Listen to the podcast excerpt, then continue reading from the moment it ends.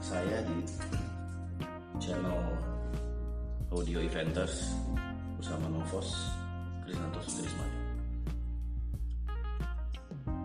Kemarin uh, saya memantau Spotify, kemudian melihat Anchor, podcast yang saya uh, buat ternyata lumayan ya, lumayan ada teman-teman yang apa namanya mau mendengarkan dan mudah-mudahan itu bermanfaat ya.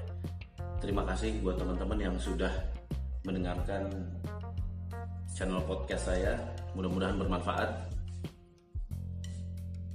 Uh, setelah didengerin sama teman-teman, ternyata ada juga yang beberapa memberikan usulan-usulan. Sebenarnya gue saya senang banget ya kalau bisa dikasih kayak masukan-masukan gitu untuk memberikan masukan sebenarnya bisa di Instagram saya @novos situ silahkan bisa memberikan masukan-masukan. Uh, ada yang menanyakan tentang bagaimana menghandle klien. Yang pertama yang pertama saya ini sebenarnya latar belakangnya itu bukan marketing sebenarnya.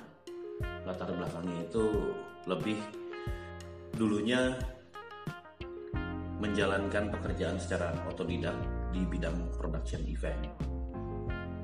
Kemudian saya mendapatkan kesempatan bekerja di beberapa tempat yang akhirnya saya anggap itu pelajaran-pelajaran lain bagi saya yang bukan hanya production gitu. Akhirnya saya belajar kreatif. Mungkin saya lebih banyak di kreatif sebenarnya sih sampai sekarang lebih banyak di kreatif how to develop the creative event, bagaimana membuat event yang memiliki uh, value engagement yang kuat kayak gitu gitu lebih banyak berpikir tentang strategic event strategic development event tapi uh, boleh juga saya menjawab tentang bagaimana menghandle klien karena saya juga punya pengalaman uh, memimpin perusahaan sehingga mau nggak mau saya harus uh, memberikan service kepada klien. Kalau buat saya gini intinya intinya apa yang kita kerjakan ini itu kan servis ya jasa. Artinya kalau kita berpikir jasa saya suka menggambarkan bahwa uh, kita ini seperti hotel gitu ya seperti satu hotel di mana hotel itu kan punya doorman ya. Doorman itu adalah orang paling depan yang menyambut tamu. Nah uh, biasanya doorman itu sejak membukakan pintu tamu itu sudah tersenyum gitu. Nah kurang lebih sih kayak gitu ya. Jadi dari awal kita kalau ketemu klien itu yang pertama harus kita munculkan adalah first impression ya. Mereka harus mendapatkan first impression yang baik tentang kita. Bukan cuma senyuman tapi bagaimana looks bagaimana secara visual lo, terlihat bahwa lo tuh uh, profesional gitu. Tentunya uh, klien kita harus mencari mereka, menemui mereka dan memberi uh, kabar tentang kita gitu. Sekarang ini kan zamannya sosial media. Saya banyak sekali memanfaatkan sosial media untuk uh, supaya profiling ini terlihat juga oleh klien ya, calon-calon klien bahwa melihat perkembangan-perkembangan bagaimana saya uh, bekerja sehingga mudah-mudahan itu bisa menjadi reference mereka untuk menghubungi saya kemudian uh, klien itu sendiri uh, ada satu proses bagaimana kita akhirnya bisa mengenal klien lebih dekat. Yang pertama barangkali kita akan dapat kesempatan untuk diundang dalam uh, pitch ya atau tender. Kemudian kita mengikuti satu proses tender. Nah di situ proses itu biasanya kita ikuti uh, tidak mudah. Ya tentunya ada persaingan-persaingan dalam sebuah pitching. Uh, mudah-mudahan kita menang. Dan pada saat kita menang di situ sebenarnya kepercayaan pertama menurut saya dari klien itu di situ. Jadi waktu kita dibukakan pintu memenangkan sebuah tantangan dalam bentuk penye, penye, apa, pengajuan proposal kreatif event di situlah pintu itu dibuka oleh klien. Apakah mereka sudah percaya? Sebenarnya belum. Pada saat itu mereka baru membukakan pintunya dan ingin melihat kita. Nah, di situlah masuk kepada proses bagaimana kita bisa engage dengan klien. Kenapa? Karena setelah proposal kita disetujui, kegiatan lanjutannya adalah diskusi-diskusi, pematangan-pematangan dari sebuah proposal. Nah, di situlah kita akan mengenal klien jauh lebih baik. Eh, bahkan mungkin kita punya kesempatan untuk ngopi dan uh, makan sama-sama dengan mereka. Jadi di situ uh, kita bisa uh, apa, menunjukkan bagaimana kita bekerja dan uh, bagaimana bentuk servis yang kita.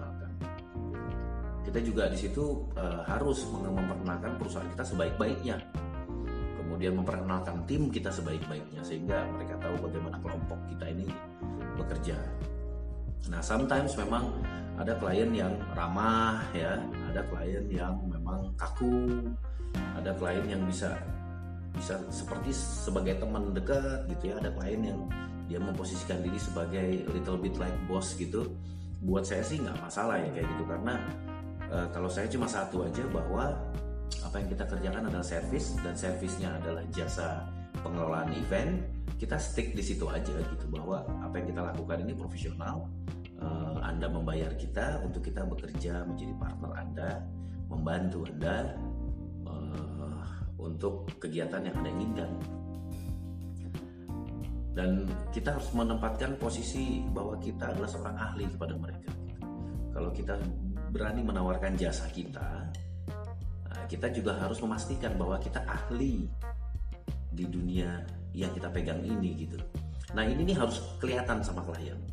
Dari mana sih keahlian itu kelihatan? Berpengalaman, linknya banyak, kemudian bisa menjadi uh, apa konsultannya, memecahkan banyak masalah event, bisa memberikan masukan-masukan barangkali kepada pimpinan-pimpinan di perusahaan klien. Uh, dia memiliki kendala misalnya untuk memberikan sebuah pidato dan sebagainya kita bisa memberikan saran menjadi konsultan. Di situ kelihatan kita sebagai expert. Gitu. Nah artinya ada orang yang gimana kalau kliennya bici gitu kliennya galak gitu segala macam. Buat saya saya malah malah paling seneng ketemu klien yang galak.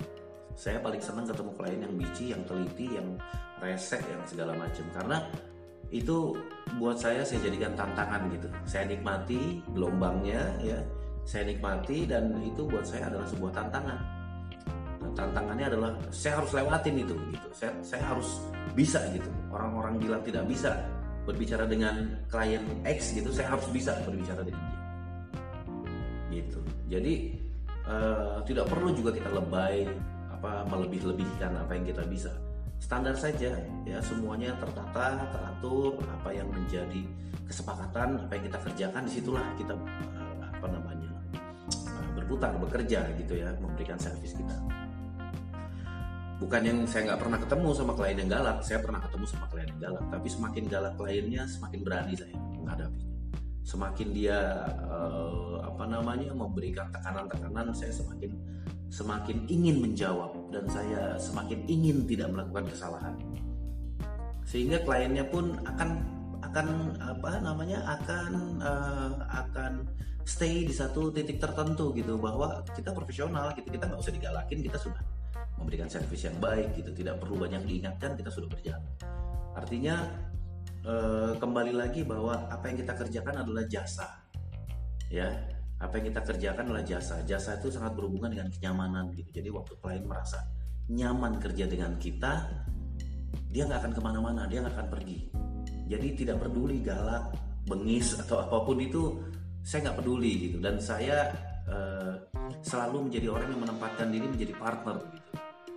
Ada istilah yang bilang partnership dan kacungship gitu ya. Saya tidak akan pernah menempatkan diri menjadi kacung gitu buat klien. Saya akan menempatkan diri menjadi partner partner yang strategis di mana dia bisa membangun sebuah komunikasi uh, dalam bentuk event untuk mensukseskan brandnya kayak gitu ya jadi klien nggak ada yang galak yang penting kitanya yang humble dan kita yang profesional. Semakin kita mengerti produk kita, semakin kita mengerti jasa kita, semakin klien akan menghargai kita. Itu tips dari gue. Thank you ya.